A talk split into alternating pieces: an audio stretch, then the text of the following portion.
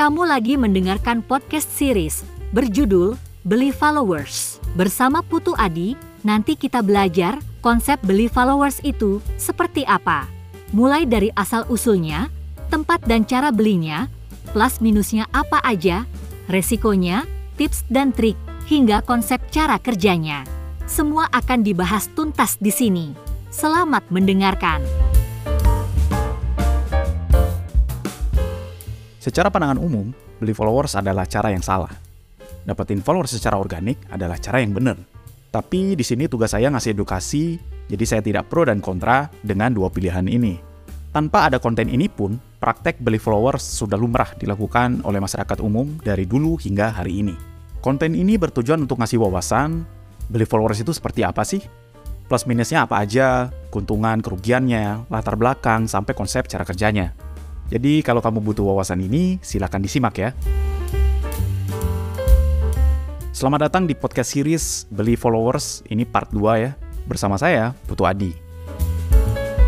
Bagi kamu, pemilik bisnis yang lagi kesulitan naikin jumlah followers dan memilih untuk pakai jasa beli followers, simak podcast ini baik-baik ya. Oh ya, bagi kamu yang belum nyimak part 1, please simak dulu part 1 ya. Karena di sana dijelasin hal paling mendasar yang harus kamu tahu sebelum menyimak part-part berikutnya. Silahkan cek linknya di deskripsi. Tapi kalau kamu sudah nyimak part 1, yuk kita lanjut. Oke, saya akan mulai jelaskan dari hal paling dasar dulu ya. Beli followers itu apa? Karena pada kenyataannya, banyak loh yang belum tahu kalau followers itu bisa dibeli. Beli followers itu tidak ada kaitannya sama ads ya, atau iklan berbayar.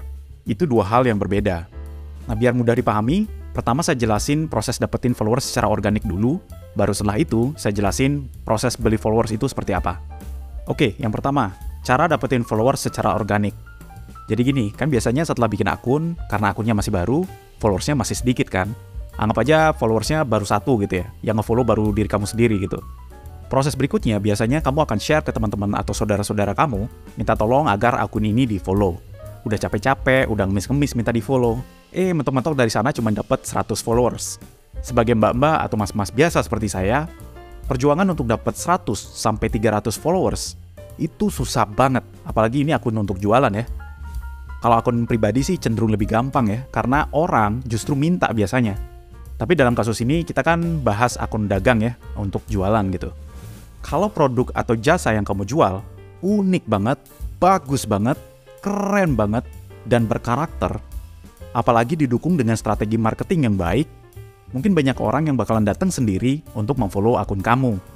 Ya, tapi kan kenyataannya di lapangan, tidak semua pelaku usaha punya produk, layanan, atau kapasitas yang luar biasa sama tingginya.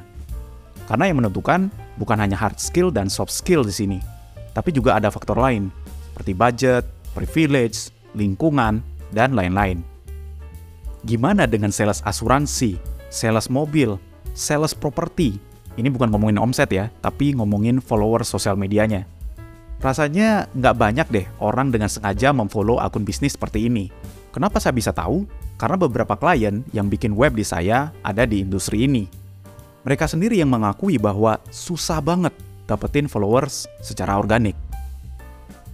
Nah, kenapa jumlah followers penting untuk mereka? Karena saat ini mereka dituntut pemasarannya lewat digital marketing pakai FB Ads atau Instagram Ads gitu ya, pakai Google Ads juga. Tapi pas calon customer ngeklik akunnya, eh followersnya cuma 100 sampai 200 gitu. Kan jadi ada rasa keraguan gitu ya dari calon customer mereka gitu. Ini akun beneran nggak sih? Ini akun bodong apa akun asli ini gitu. Followersnya cuma 100 sampai 200 gitu. Si pemilik akun juga ngerasa kayak kurang pede aja gitu untuk jualan karena akunnya followersnya cuma 100 sampai 200 gitu. Bahkan nih ya, banyak loh perusahaan sosial media agency yang salah satu layanan yang dia jual adalah naikin jumlah engagement sosmed kliennya gitu ya. Tapi sedangkan akun mereka sendiri saja itu followersnya 100 sampai 300 gitu. Kalau kita melihat dari kacamata awam, ini nggak make sense gitu. Kalau kamu memang bisa naikin jumlah engagement, kenapa nggak mulai dari akun kamu dulu gitu? Itu kenapa sebagian perusahaan sosial media agency juga terpaksa harus beli followers. Tapi sih kayaknya alasannya bukan karena dia tidak mampu atau tidak bisa gitu ya.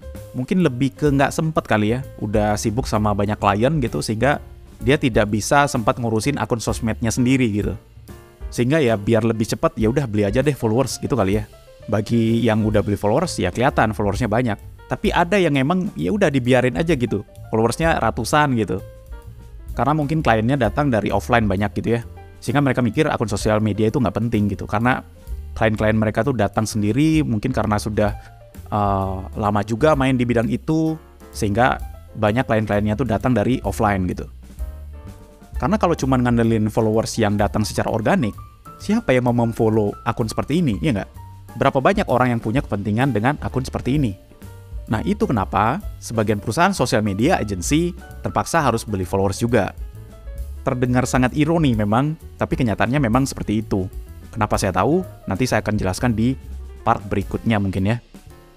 Mungkin ada yang bilang gitu ya, ada kok bro, sales asuransi, sales mobil, sales properti, social media agency, yang followersnya banyak, dan itu murni tanpa beli gitu. Nah gini bro, kapasitas orang itu beda-beda. Spektrumnya tuh luas sekali gitu. Yang kamu sebutkan tadi itu adalah orang-orang atau pihak-pihak yang berada di level tertinggi gitu. Jumlahnya tuh nggak banyak yang seperti itu. Di setiap bidang selalu ada akun-akun sosial media yang berada di puncak tertinggi gitu. Tapi yang di bawah dan di bawah banget itu banyak juga gitu loh. Nah yang kita bahas adalah orang-orang yang ada di tengah dan di bawah yang sulit banget dapetin follower secara organik gitu. Nah yang kita bahas adalah orang-orang yang berada di level rata-rata gitu ya. Semua sumber daya yang dimiliki serba biasa-biasa aja. Sekeras apa pun dia berusaha, tetap aja hasilnya nggak bisa sebaik yang ada di puncak itu. Gitu. Karena banyak faktor yang mempengaruhi ya. Mulai dari hard skill, soft skill yang dia miliki, kemudian budget juga, kemudian privilege, uh, lingkungan, uh, dan lain-lain. Nah makanya di part 1 saya bilang Beli followers itu tidak untuk semua orang. Beli followers hanya untuk orang-orang yang tidak mampu menghasilkan followers secara organik, tapi di satu sisi pekerjaan menuntut kita agar muncul di sosial media. Tapi intinya yang berusaha mau saya sampaikan adalah ada memang kategori akun sosmed tertentu yang niche-nya sangat spesifik, sehingga sulit mendapatkan followers secara organik. Udah ngemis-ngemis minta di-follow ke orang-orang terdekat, itu pun setelah di-follow di silent gitu ya. Udah coba bikin konten yang proper, eh yang nyimak nggak seberapa. Nggak ngasilin followers baru juga. Terus udah coba ngiklan berbayar juga. Yang ngeliat sih banyak gitu. Tapi yang ngefollow cuman ada satu dua orang aja. Karena prinsipnya orang ke sosmed itu untuk bersenang-senang, nggak suka dijualin. Jadi untuk kategori bisnis tertentu, untuk dapetin 100 sampai 300 followers itu susah banget. Kapan nyampe 3000 followersnya ya nggak? Nah, kebayang ya susahnya. Nah, itu cara dapetin followers secara organik. Nah berikutnya, kita bandingkan dengan beli followers. Seperti apa sih beli followers itu? Nah dengan beli followers, kamu cukup sediakan uang. Tinggal bayar, tunggu beberapa jam, kamu sudah dapat sejumlah followers yang kamu butuhkan. Gimana, gampang kan? Gak ada tuh yang namanya ngemis-ngemis minta di follow, gak ada. 3000 followers kalau kamu lakukan manual, normalnya butuh waktu berbulan-bulan. Bahkan ada yang sampai tahunan. Sedangkan yang harus kita korbankan adalah waktu, tenaga, pikiran, dan juga uang. Sedangkan kalau kamu beli followers, yang kamu korbankan cuma satu, yaitu uang. Sehingga kamu bisa menghemat waktu kamu, tenaga kamu, pikiran kamu untuk melakukan hal-hal lain yang lebih produktif. Bikin konten produk misalnya. Pasti ada yang bilang, ah jumlah followers itu gak penting bro, yang penting itu jumlah interaksinya. Views, like, comment, share. Bro, ini akun dagang. Followers aja baru 100. Gimana orang merhatiin kita? di search aja itu nggak muncul. Gimana orang percaya sama akun toko online kita? Boro-boro dapat interaksi, dilirik aja kagak. Semuanya penting bro. Akun dagang kita akan dinilai bagus oleh calon customer kita dinilai dari banyak faktor. Mulai dari profil picture, jumlah followers, isi bio, kerapihan feeds, engagement, kualitas konten, sampai cara kita merespon, dan lain-lain. Jadi jangan pilih salah satu, kita harus penuhi semua faktor itu. Nah mumpung di konten ini kita lagi ngomongin followers, jadi kita spesifik ke followers aja. Kita harus jujur akui bahwa jumlah followers itu penting, sama pentingnya dengan interaksi dari audiens. Kalau kamu tanya ke sosial media guru, orang yang ngajar tentang sosmed ya, boleh nggak beli followers? Sudah pasti jawaban mereka adalah nggak boleh. Kenapa? Karena mereka jualannya ya buku, kelas, dan seminar yang ngajarin cara naikin jumlah followers secara organik. Jadi prinsip beli followers itu sangat bertolak belakang dengan prinsip mereka. Nah kalau dia ngebolehin beli followers, itu justru aneh. Karena ilmu-ilmu yang mereka ajarkan jadi nggak kepake. Gimana, masuk akal nggak? Ya emang faktanya begitu. Nah sebelum kamu salah paham tentang ini, mohon bersabar sebentar ya. Karena hal ini saya akan bahas lengkap di part ketiga, part berikutnya. Nah setelah konten ini ya. Jadi kita lanjutkan dulu sedikit lagi, oke? Okay?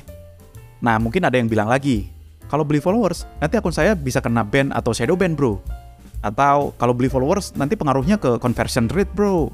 Atau kalau beli followers, awalnya aja nambah, nanti angka followersnya turun lagi. Sudah transfer tapi orangnya kabur, ketipu, dan lain-lain. Tenang bro, semua pertanyaan-pertanyaan atau kasus-kasus yang terjadi seputar beli followers akan saya bahas tuntas di podcast series beli followers ini. Di part-part berikutnya tentunya ya. Tapi semua hal buruk itu bisa terjadi karena kamu nggak ngerti aturan mainnya. Nah inilah tujuan utama saya bikin konten ini. Untuk ngasih wawasan gimana caranya agar kita menggunakan strategi beli followers ini dengan baik dan benar. Sehingga saat kita beli followers, justru yang kita dapatkan adalah manfaat positifnya, bukan resiko atau masalah-masalah tadi. Oke, sampai ketemu di part berikutnya, part 3, yang ngebahas lebih dalam, tempat beli followers itu di mana sih? Nah jangan lupa di subscribe atau di follow podcast ini. Saya Putu Adi undur diri, semoga bermanfaat. Dadah!